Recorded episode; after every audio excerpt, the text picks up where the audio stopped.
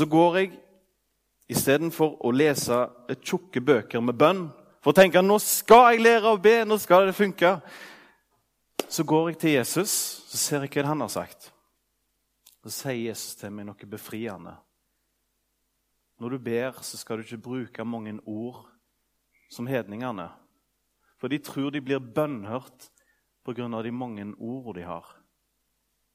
Og så ser vi òg hedningene før. De kunne til og med skjære seg opp i kroppen så blodet rant for å vise sin Gud at, hvor ivrig de var. Og Sannsynligvis så skjedde det noe òg inni den åndelige verden, i den okkulte verden. For det ga en effekt. Det skjedde ting når de skar seg til blods. Derfor så gjorde de det mange ganger. Og Djevelen er reell. Han kan gjøre under. Han kan gjøre ting, han òg. Så tenker jeg du skal, du burde, du må. Så kom Jesus. Ikke bruk mange ord. Jeg hører deg. Og jeg reduserer min bønn til å si Jesus. Du ser jeg har feila i bønnelivet, men her er jeg. Hjelp meg. Bønn slutt. Å kjenne at det var godt å bare være ærlig og ikke tenke så teknisk og avansert på noe som Jesus har gitt oss som en gave.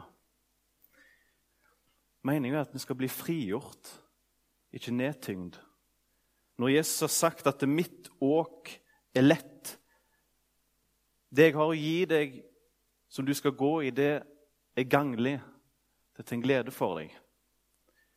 Det skal ikke oppleves som ei tvangstrøye og som gir dårlig samvittighet. Jeg kan ikke komme her med loven til deg og piske deg til et mer ivrig kristenliv. Men jeg kan presentere Jesus og fortelle om han til dere. Og jeg tror at i Jesus og i evangeliet er det kraft til å drive deg framover. Alt som heter 'du skal', og 'du må' og 'du burde' i Guds ord som formaninger, det er bare pil, piler som viser oss en god retning. Gå den veien der. Pass på ikke gå den veien der. Der er det farlig, der er det godt. Men som en bil Du kan se på alle de skiltene der. Hvis ikke motoren har bensin, det nytter ikke med 1000 gode skilt. Du får ikke bruk for de i det hele tatt. Jeg har lyst til å ha oppe et bilde. Jeg har lyst i dag at nåden og Jesus skal komme fram i alt jeg skal si om menighet, misjon og Jesus. Nei, og vekkelse. Og Jesus, så klart. Jeg har bare lyst til å be litt før jeg går videre nå. Kjære Jesus. Du så den filmen som vi viste nå, det klippet, når de ble så ivrige, de soldatene i den filmen. Jesus, du kan òg gjøre oss ivrige. Du kan tenne oss i brann. Men jeg vet at ingenting du skal og du må og du burde, kan få oss tent i brann. Det er bare du som kan tenne den gnisten. Jeg kan ikke med mine ord tenne noen her i brann som varer. Men ditt ord og ditt evangelium, som sier at alt er gratis, alt skal bli gitt for ingenting, det ønsker jeg skal komme fram her i kveld. Fortsett å velsigne møtet og ditt ord, Jesus, og det vi skal snakke om nå. Amen. Dere har skjønt det at misjon det som jeg skal snakke om, det begynner ikke med at du våkner opp en dag og så tenker du misjon det var jammen meg gode greier. Det har jeg lyst til å bli med på. Misjon er en konsekvens av at Jesus har gjort noe med deg, gjort noe i ditt liv. Og Jeg skal ta og få opp et bilde som sier noe om det. Filippabrevet 3,12 sier Paulus sier dette her. Ikke slik å forstå at jeg allerede er blitt fullkommen, men jeg jager framover, så jeg kan gripe tak i det. Så kommer det.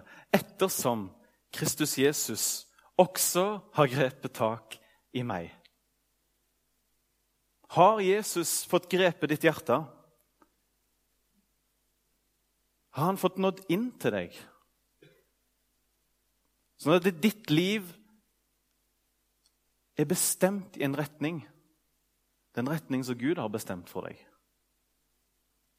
Hvordan kan Jesus forgripe mitt hjerte, da? Jeg vet i alle fall av egen erfaring. Jesus, han er der. Jesus er i sitt ord. Jesus er til stede her nå. Og det er ikke han som er svak. Og det er ikke Guds ord som er fjernt vekke for oss heller. Men ofte er det vi som er treige og uvillige til å slippe han inn på våre liv. Det går an å være en kristen med håndbrekken på og stå sånn til Jesus. Simon, fariseeren, han hadde lyst til å være med Jesus, men han tilba han ikke som sin herre. Holdt han litt nede ifra seg sjøl. Så kom det ei prostituert inn som var blitt så glad i Jesus for å bli tilgitt av ham. Jesus hadde grepet hennes hjerte, nådd helt inn til hennes hjerte. Og så kom hun prostituerte bort til Jesus. Og Tårene rant ned på føttene, de støvete føttene til Jesus. Så hun tørkte tårene og vaskte føttene med sitt hår. Simon ble forarga. Han hadde aldri sluppet Jesus inn på livet sitt. Men hos hun kvinnen så fløyt det en Det bobler over en kjærlighet. Og så tenker jeg Hvem er du i den historien der? Jeg tror det er Lukas 6 eller 8. At Jesus skal gripe deg, handler om først og fremst det er bare la han få gjøre jobben sin. Hør evangeliet, hør om korset. La det gripe deg. La det nå inn til deg at det gjaldt for deg. La det gå opp for deg og stol på at Jesus er levende til stede her og vandrer midt iblant benkeradene. Det står i Johannes' åpenbaring at det, han er den som vandrer midt iblant lysestakene eller menighetene. Han er her. La han få gripe ditt hjerte. Så tror jeg du kommer til å gripe etter han òg. Du vil ikke oppleve kristenlivet som et ork, der du våkner opp og tenker 'jeg burde', 'jeg må'. Men Jesus driver noe fram i deg. Han er herre over ditt liv. Når Jesus han gikk på jorda her, så så han en, et enormt behov overalt og mennesker søkte Jesus på en sånn måte at det står at disiplene og Jesus fikk ikke engang tid til å ete. Tenk at de måtte gå glipp av frokosten og lunsjen sin og brunsjen og alt i sammen. Rubbel og rake. De fikk ikke tid, for folk kom strømmende på. Og så sa Jesus seinere til dem disse ordene her. Jeg vil jo bare si at Jesus ga jo oss misjonsbefalingen. Han sa jo at denne nøden, dette behovet her, jeg vil at dere skal gå ut og tjene dem og gi dem Guds ord, gi dem evangeliet. Sett dem fri. Og En annen gang så ble han full av medlidenhet. og Vi skal lese, vi skal få opp et nytt vers her. Matteus 9, 35-38. Jesus vandret nå omkring i alle byene og landsbyene. Han underviste i synagogene deres, forkynte evangeliet om riket og helbredet all sykdom og plage. Og da han så folkemengdene, fikk han inderlig medfølelse med dem, for de er forkomne og hjelpeløse som sauer uten gjeter. Da sa han til disiplene sine.: Høsten er stor, men arbeiderne er få. Be derfor høstens herre drive ut arbeidere for å høste inn grøden hans.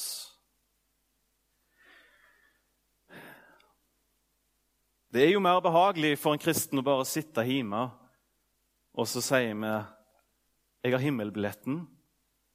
Jeg har alt jeg trenger. Nå kan jeg bare nyte livet her på jord, og det går meg godt. Det tror jeg er veldig fristende for oss kristne. Tenk så herlig at vi har det godt her nå på livet, her i livet, og vi skal få det godt i evigheten. Og så har vi en god sofa. Så er livet herlig. Jeg vet jo at vi har noen problemer. Vi stryker på eksamen, vi blir syke og sånne ting. Men basically så kan vi på en måte anse oss som ganske heldige. Og så kan vi se at verden er der ute med sine behov. Og så ser jeg at vi ikke alltid er der ute. Vi er ikke alltid der nøden er. Men vi er kanskje heller på konserter. Vi er kanskje heller ute på tur. Men hvorfor er vi ikke alltid i hans oppdrag? Jeg vet jo det at mange sier det på bedehus, at eh, vi håper det kommer folk her. Og så har det liksom ikke kommet folk der på 30 år, så har de den samme tankegangen at eh, Mon tro om det kommer noen i år. det var en gang debatt om vi skal prøve å gå hus-til-hus-besøk en plass. Så sa en, da, en sånn i styret der sa at Ja, vi prøvde det der hus til hus, eh, noe greier på 80-tallet, men eh, det var ikke så populært, det har vi prøvd. Så tenker jeg hva, hva med misjonsbefalingen, da? At vi skal liksom gå ut, da, selv om det, selv om det ikke var populært? Hva med at vi skal bli forfulgt og greier? da? Hva med alle de tingene der? Og så tror jeg vi lever i luksus og en liten porsjon feighet. Og så slipper vi ikke Jesus inn på oss, for at det hadde nå Jesus grep over hjerter, så tror jeg vi hadde fått nød for de ufrelste enda mer. Jeg satt på Fjelltun i det herrens år 2000 og hva var det da? Fem? Og Så satt jeg der og bare skulle bli berga sjøl. Og så satt jeg og leste, og andre leste for meg, og så til slutt så begynte det å brenne i meg. Og så hørte jeg den der bønnen der, at Jesus sa 'Be derfor høstens herre drive arbeidere ut til sin høst'. Så tenkte jeg jo på at det må jo være alle andre det, at de skal be om at han og han og hun og hun må komme seg av gårde. Men jeg sa til Jesus vet du hva, jeg klarer ikke å be for alle andre, for nå sitter jeg proppa full sjøl og vil bare ut. Så er det greit for deg, så send meg. Og så gikk det noen dager seinere, så kom det én fyr og sa du, ja, vi har noen sånn ettåringsgreier i Haugesund. noen misjon. Og Så kom det etterpå en bibellærer til meg på Fjelltun og sa at du har noe. du har Magne, akkurat. Nei, det er et eller annet. Og så var det til slutt en tredje person. Så tenkte jeg er dette her kanskje et svar på at uh, høstens herre driver meg ut og viser at det er bruk for meg. Og så var det bruk for meg. Så ble jeg med i misjon, og det er nå ca. 10-11 år siden så er det fortsatt bruk for meg å vitne om Jesus til andre. Og For åtte år siden var jeg på Åkra, og der var det Frontline. Og Der hørte jeg sangen 'People Need the Lord'. En veldig flott sang.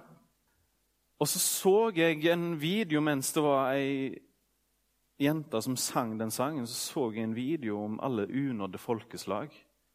Mens jeg hørte sangen og så på alle disse folkeslagene se, Det er jo over 3 milliarder unådde. Det er 42% i verden som ennå ikke har hørt om Jesus Kristus. Og vi har blitt gitt det oppdraget å gå til dem. Og vi skal få den kraften vi trenger hvis vi vil gå. Og Så satt jeg der og så måtte jeg bare be en ny bønn til Jesus. At så lenge jeg lever, Jesus, så lenge du ikke har kommet igjen, og så lenge det er unådde folkeslag, så vil jeg tjene deg, Herre. Og nå har jeg sagt det til han, og jeg er glad for at han har fortsatt bruk for meg. Og så håper jeg at Den hellige ånd Jeg tror det var Jeg opplevde det som at Jesus greip mitt hjerte da. Han ga meg en brann.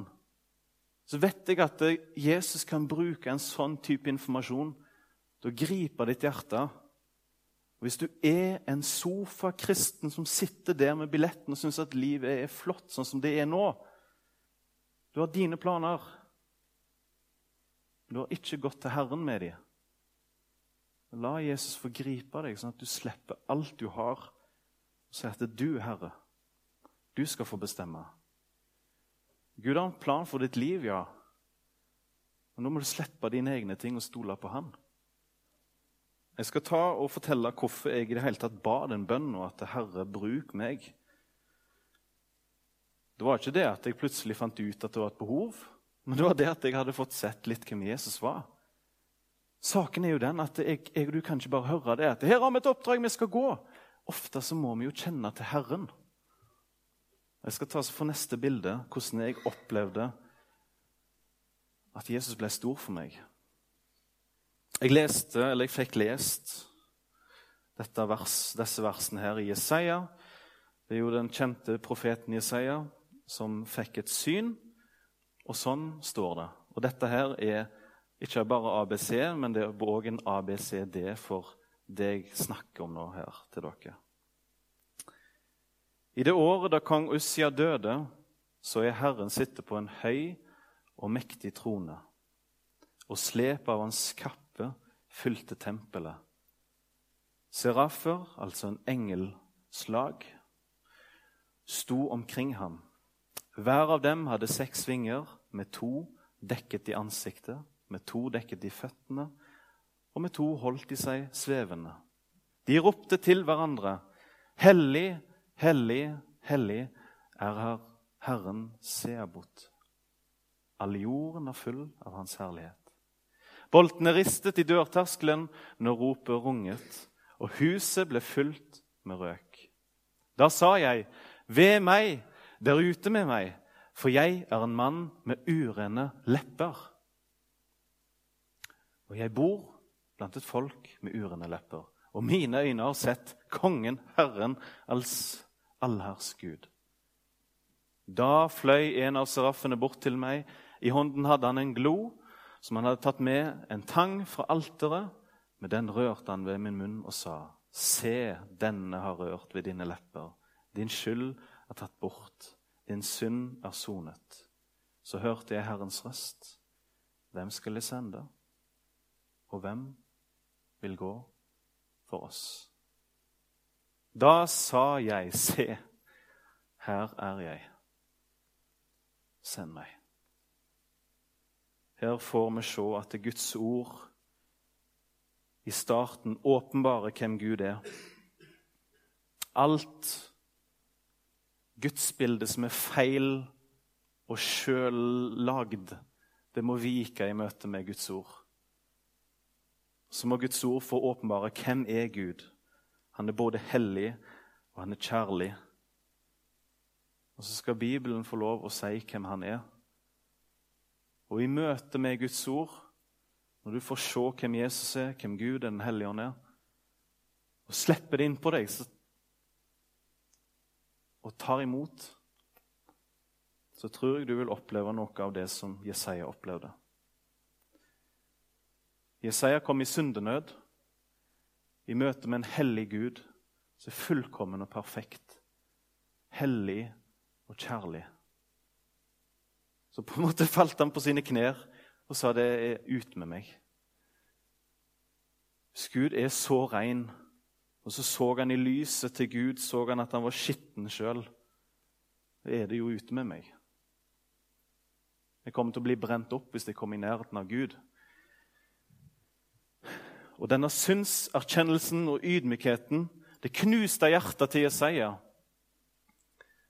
Det førte til at Gud så han så i nåde til ham og sendte forsoningens gave til ham. Og Jeg har tatt det fram i rødt for å minne oss om at vår forsoning er Jesu blod, det som skjedde på korset. Han ble straffa for at jeg og du skulle få fred. Og så mange som tok imot ham, Jesus, ga han rett til å bli Guds barn. Og så kommer kallet. Du er nå frigjort all din byrde lagt vekk ifra deg. Du kjenner på det.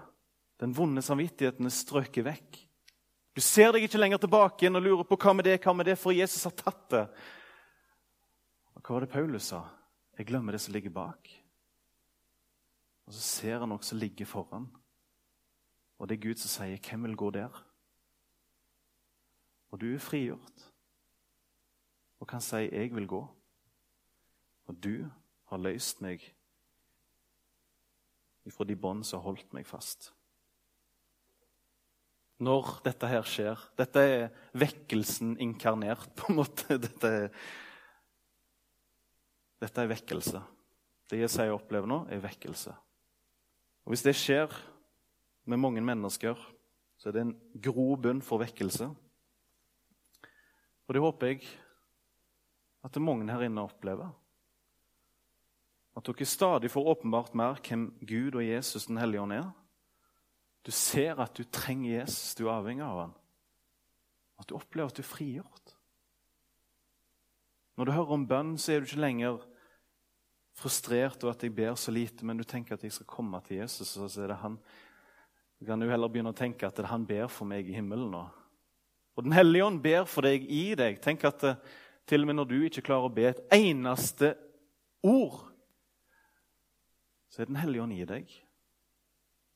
Og sender opp sukk til Faderen, så ikke ord kan rommes engang. Og Når du ser den gleden at hele treenigheten er der for deg, så tror jeg kanskje det begynner en liten glede i deg.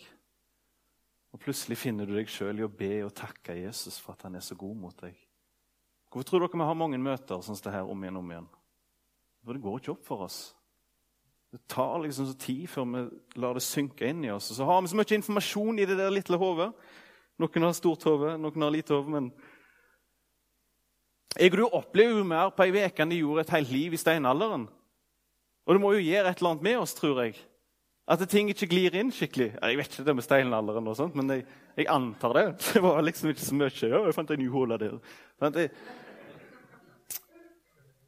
Jeg, tror det òg har noe å si med oss at vi er informasjonsmetta. Når jeg kommer med dette her, så er det noen som på en måte bare Nok en informasjon, på en måte.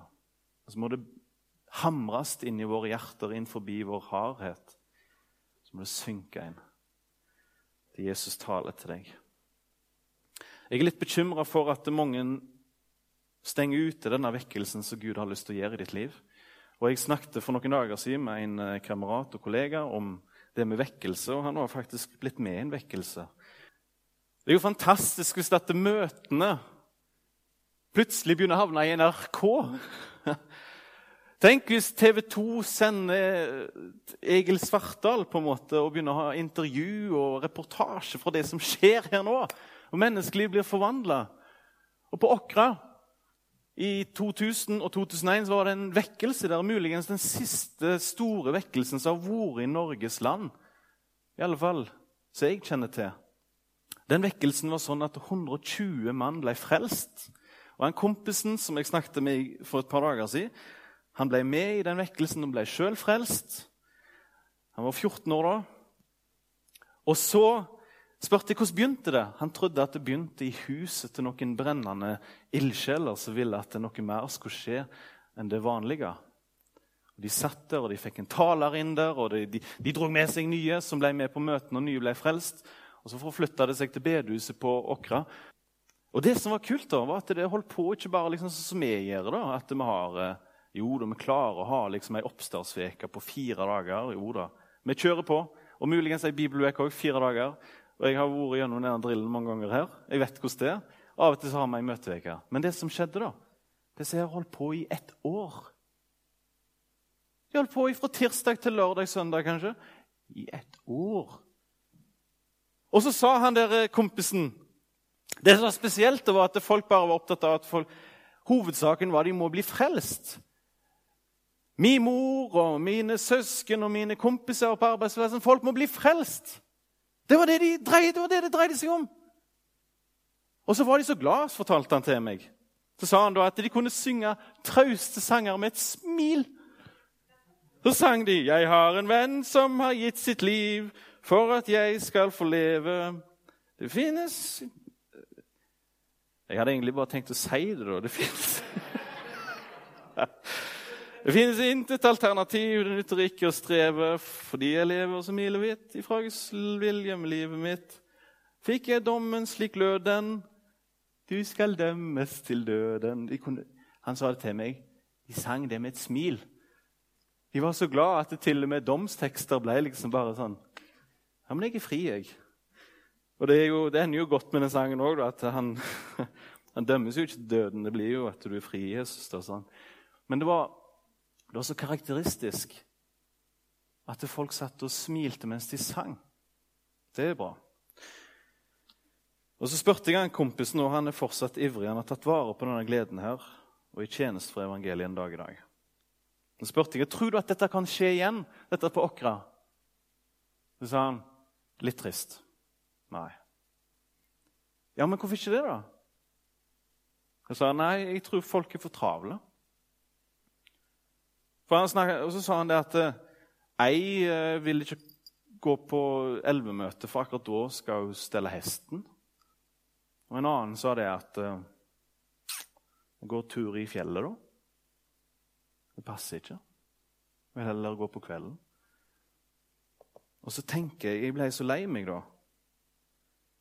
Og det er jo sånn at De fleste kristne sier Jeg har aldri møtt på en kristen som sier at ja, jeg er kristen, men Gud er på andreplass.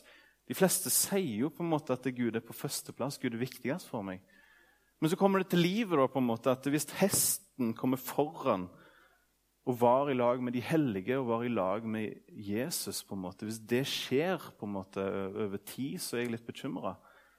Jeg forstår at han kompisen her sier at han tror ikke det kan skje igjen, for folk er så travle. Så tenker jeg, Hva betyr det vi sier i livet vårt at Jesus er viktigst, men så i, i praksis så får han ikke engang plass på pallen vår? Og Så har jeg tenkt på et vers når han sa det der til meg.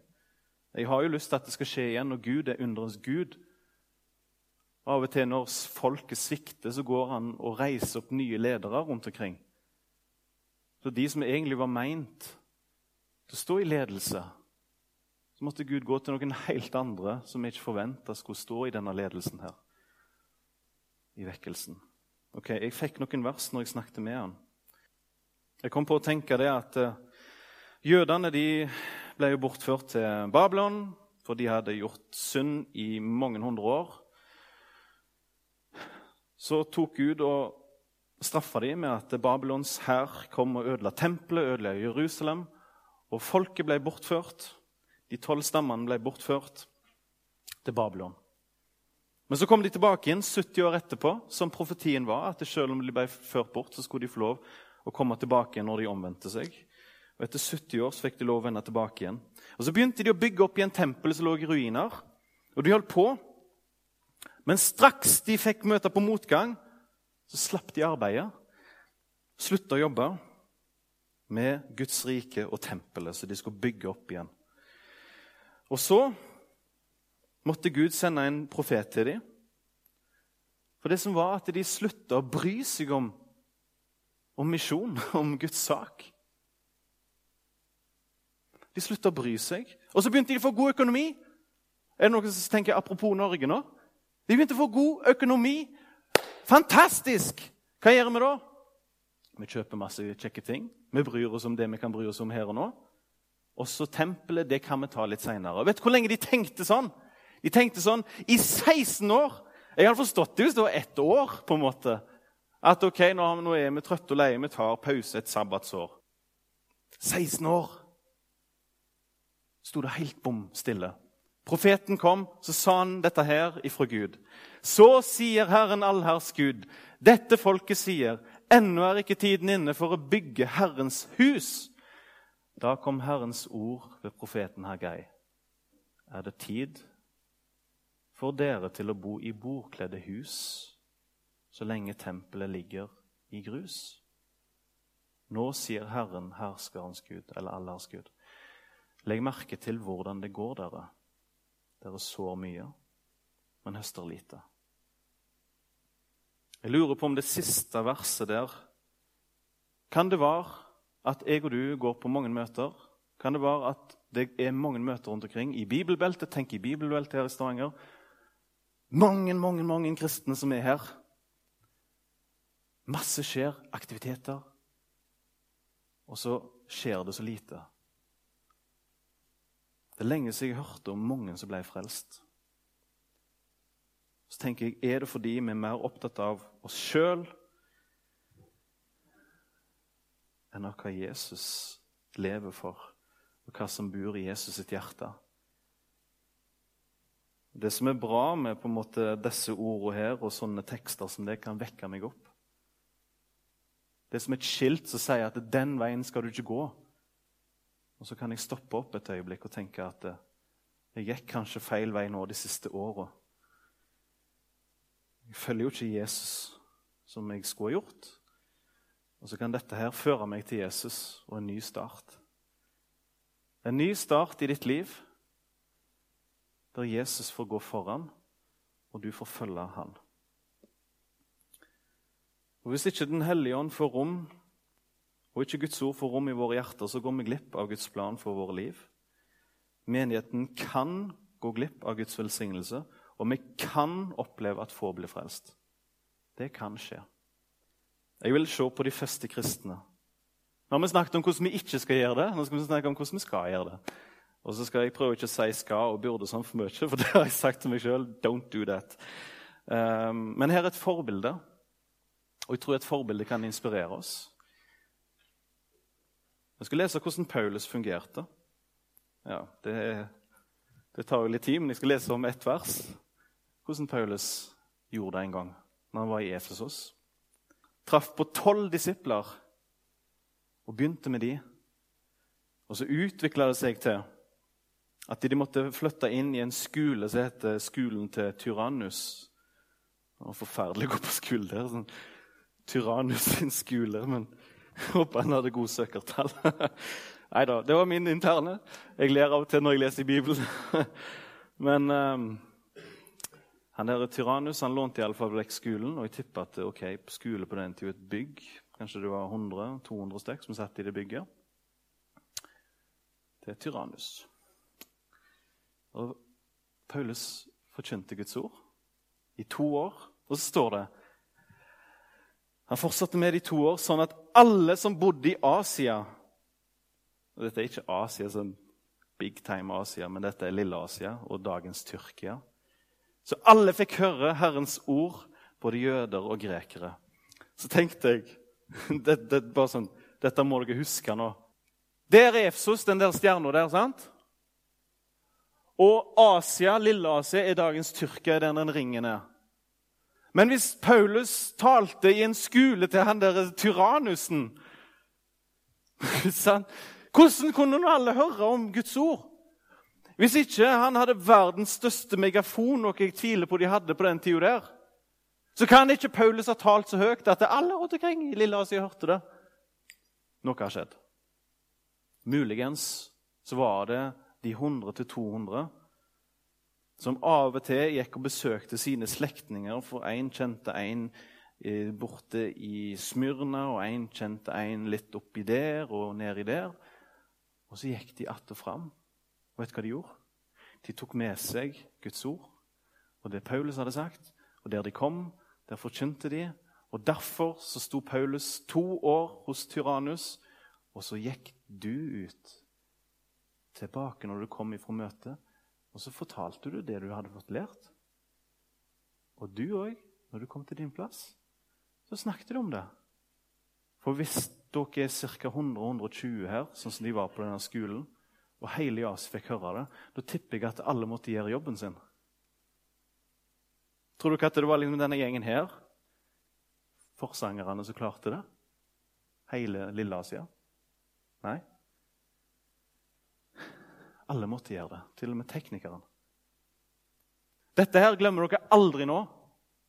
Nå forstår dere at det er ikke taleren sin jobb å både tale til dere, og så skal han gå ut og tale til de der, så han kan komme tilbake og fortelle at i mellomtida jeg har vært her nå, så en har blitt frelst, for jeg gikk ut på mandag, så, fortalte, så snakket jeg med en, og han tok imot evangeliet. Så skal han komme tilbake og tale til dere, så blir du inspirert. til Fatter du? Det er ikke taleren som skal gjøre hele jobben. Og dette mener jeg faktisk helt seriøst. At jeg og du har fått en nådegave. Har vi Den hellige ånd, så har vi òg vitnesbyrd i oss. Så dette skal du aldri glemme. Og huske på at det gjelder deg. Og så er jeg glad for at mange her inne de går faktisk ut her og vitner om Herren.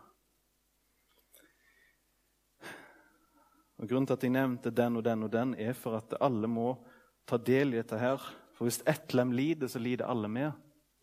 Alle er nødvendige i dette oppdraget her. Og så vil jeg bare slå et slag for at det ikke bare går ut, men òg ta de med deg inn. Det er viktig å jobbe i team, at alle er med. Fordi det står om Jesus at han sendte fiskerne ut, og én båt Fikk masse fisk, og så klarte de ikke å dra opp hele garnet. Så måtte de si Kan dere komme òg, for vi klarer ikke å dra det opp. Hvis du virkelig smeller her i byen, og Guds vekkelse brer seg ut, så nytter det ikke at bare dere er med på vekkelsen. Det kommer til å bli så mye å gjøre og så mange å følge opp at båt nummer to òg trengs. Sånn er det. Alle skal få bli med. Da blir det ikke så tungt å dra det opp hvis faktisk alle er med. Og Så vil jeg bare også si neste bilde. Ta med deg en ikke-kristen venn på møtet. Når jeg jobbet her, så var det aldri noen gang det var så kjekt som det kom en av dere bort til meg og sa at du må hilse på en etterpå, for jeg tok med meg en han er på jobben litt interessert. Det var det kjekkeste jeg kunne oppleve her i Salem, når noen medlemmer bare sa at jeg kunne sende en melding eller et eller annet, og si at nå neste lørdag så har jeg med meg en. Kan du be for han, eller Det var kjekt. Og Så hendte det av og til at de som kom inn her, de ble faktisk frelst òg. Og det var jo helt fantastisk. Så tenker jeg, ikke glem det, at det er en mulighet til å dra dem med òg. For det står nemlig det. Dette er nok et unntak. Det er ikke så ofte det skjer, men det kan skje. Paulus sier det, men om alle taler profetisk, og en vantro eller ukyndig kommer inn, blir han overbevist av alle, og han blir dømt av alle. Og slik blir alt det som er skjult i hjertet, avslørt. Og Så vil han falle ned på sitt ansikt, og han vil tilbe Gud og vitne at Gud er sannelig blant dere. Alle her kan tale profetisk. Alle her kan si noe ifra Guds ord, en oppmuntring. Og så tenker jeg Det er godt å komme her tomhendt og kjenne at nå er jeg sliten, jeg trenger bare å få Jesus. Gi meg bare Jesus som sangen. Var veldig fint. Men så tror jeg òg det er rett at du forbereder deg litt. Det er rett òg at vi prøver å ta oss tid til å sette oss ned, be, lese i Bibelen, sånn at når du kommer på møte, så kan det være at du har fått noe som Gud kan bruke. Så når møtet holder på, så kan du få reise deg opp og gå til møteleder gå til Martha og si at jeg har et lite ord. Og så blir det sagt, og så sitter det kanskje en eller annen dude eller jente baki her som ikke tror eller har falt vekk. Og så akkurat de ordene der med på å få han eller hun tilbake igjen. Det har skjedd før. Og Det tror jeg Paulus òg viser at det har skjedd. Så Derfor kommer du pass på lørdager. Jeg anbefaler at du bruker tid på fredag eller i løpet av lørdag dag, si det på kvelden, og finne et eller annet. Vær forberedt. Ikke glem sverdet ditt. Guds ord er åndens sverd. Og så alt som har med burde og skal. Det har jeg sagt dere mange ganger nå. Det er bare piler. Kraften til alt jeg har snakket om nå, med ut og vitne og sånt, det ligger hos Jesus. Det er han som er kilden. Og så vil han gripe deg og ditt hjerte. Det handler bare om at du slipper han til og lar han få gjøre jobben sin. Og så vil jeg bare si det at Jesus sa til en menighet i Efesos i, Johannes' oppmaring Den menigheten var så effektiv at han fikk så mye skryt. Ingenting vranglere tolererte de. De jobbet, de var tålmodige, de var sterke. Og så sa Jesus til menigheten sin Og så har dere jo forlatt den første kjærligheten. Martha snakket nok om det aller viktigste er den relasjonen vi har til Jesus, at han får noe inn til oss. Kjærligheten. Hvis ikke så blir alt vi gjør, bare stress og kav. Og det står at det tjener vi uten kjærlighet, så er det som ei ringende bjelle. Bare irriterende. Hvor mange av dere har vært på leir? Så våkner dere liksom halv åtte. Ei bjelle er jo forferdelig irriterende. Sånn sier Guds ord at hvis vi tjener uten kjærlighet, uten Guds kjærlighet, det gagner ingenting. Og Så blir vi fulgt av Den hellige ånd, og så blir vi fulgt av Jesu kjærlighet, som han vant for oss på korset. Og Når vi tar oss tid til det og åpner oss for det, så tror jeg at noe av det som skjedde i Efsos og i Lille-Asia kan skje på ny her i Norge. Jeg tror på det. Derfor så står jeg her og bevitner om det. Så håper jeg du tar imot det.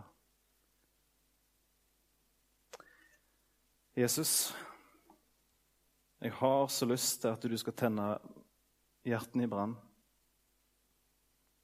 Og jeg vet jeg ber ikke om meg sjøl. Jeg vet at det ikke er det er ikke min vilje jeg ber om, jeg vet at det er din vilje.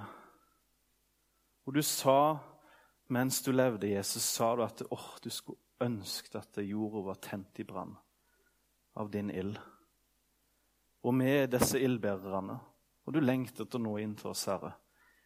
Du lengter at vi skal bry oss mer om det du har å gi, enn om vi har et fett hus eller en god bil. Men det er bare du som kan nå inn til oss med den sannheten der. Jeg kan stå her i timevis uten nytte. Du må gripe inn, Herre, og gripe våre hjerter. For ditt navns skyld, Jesus. Amen.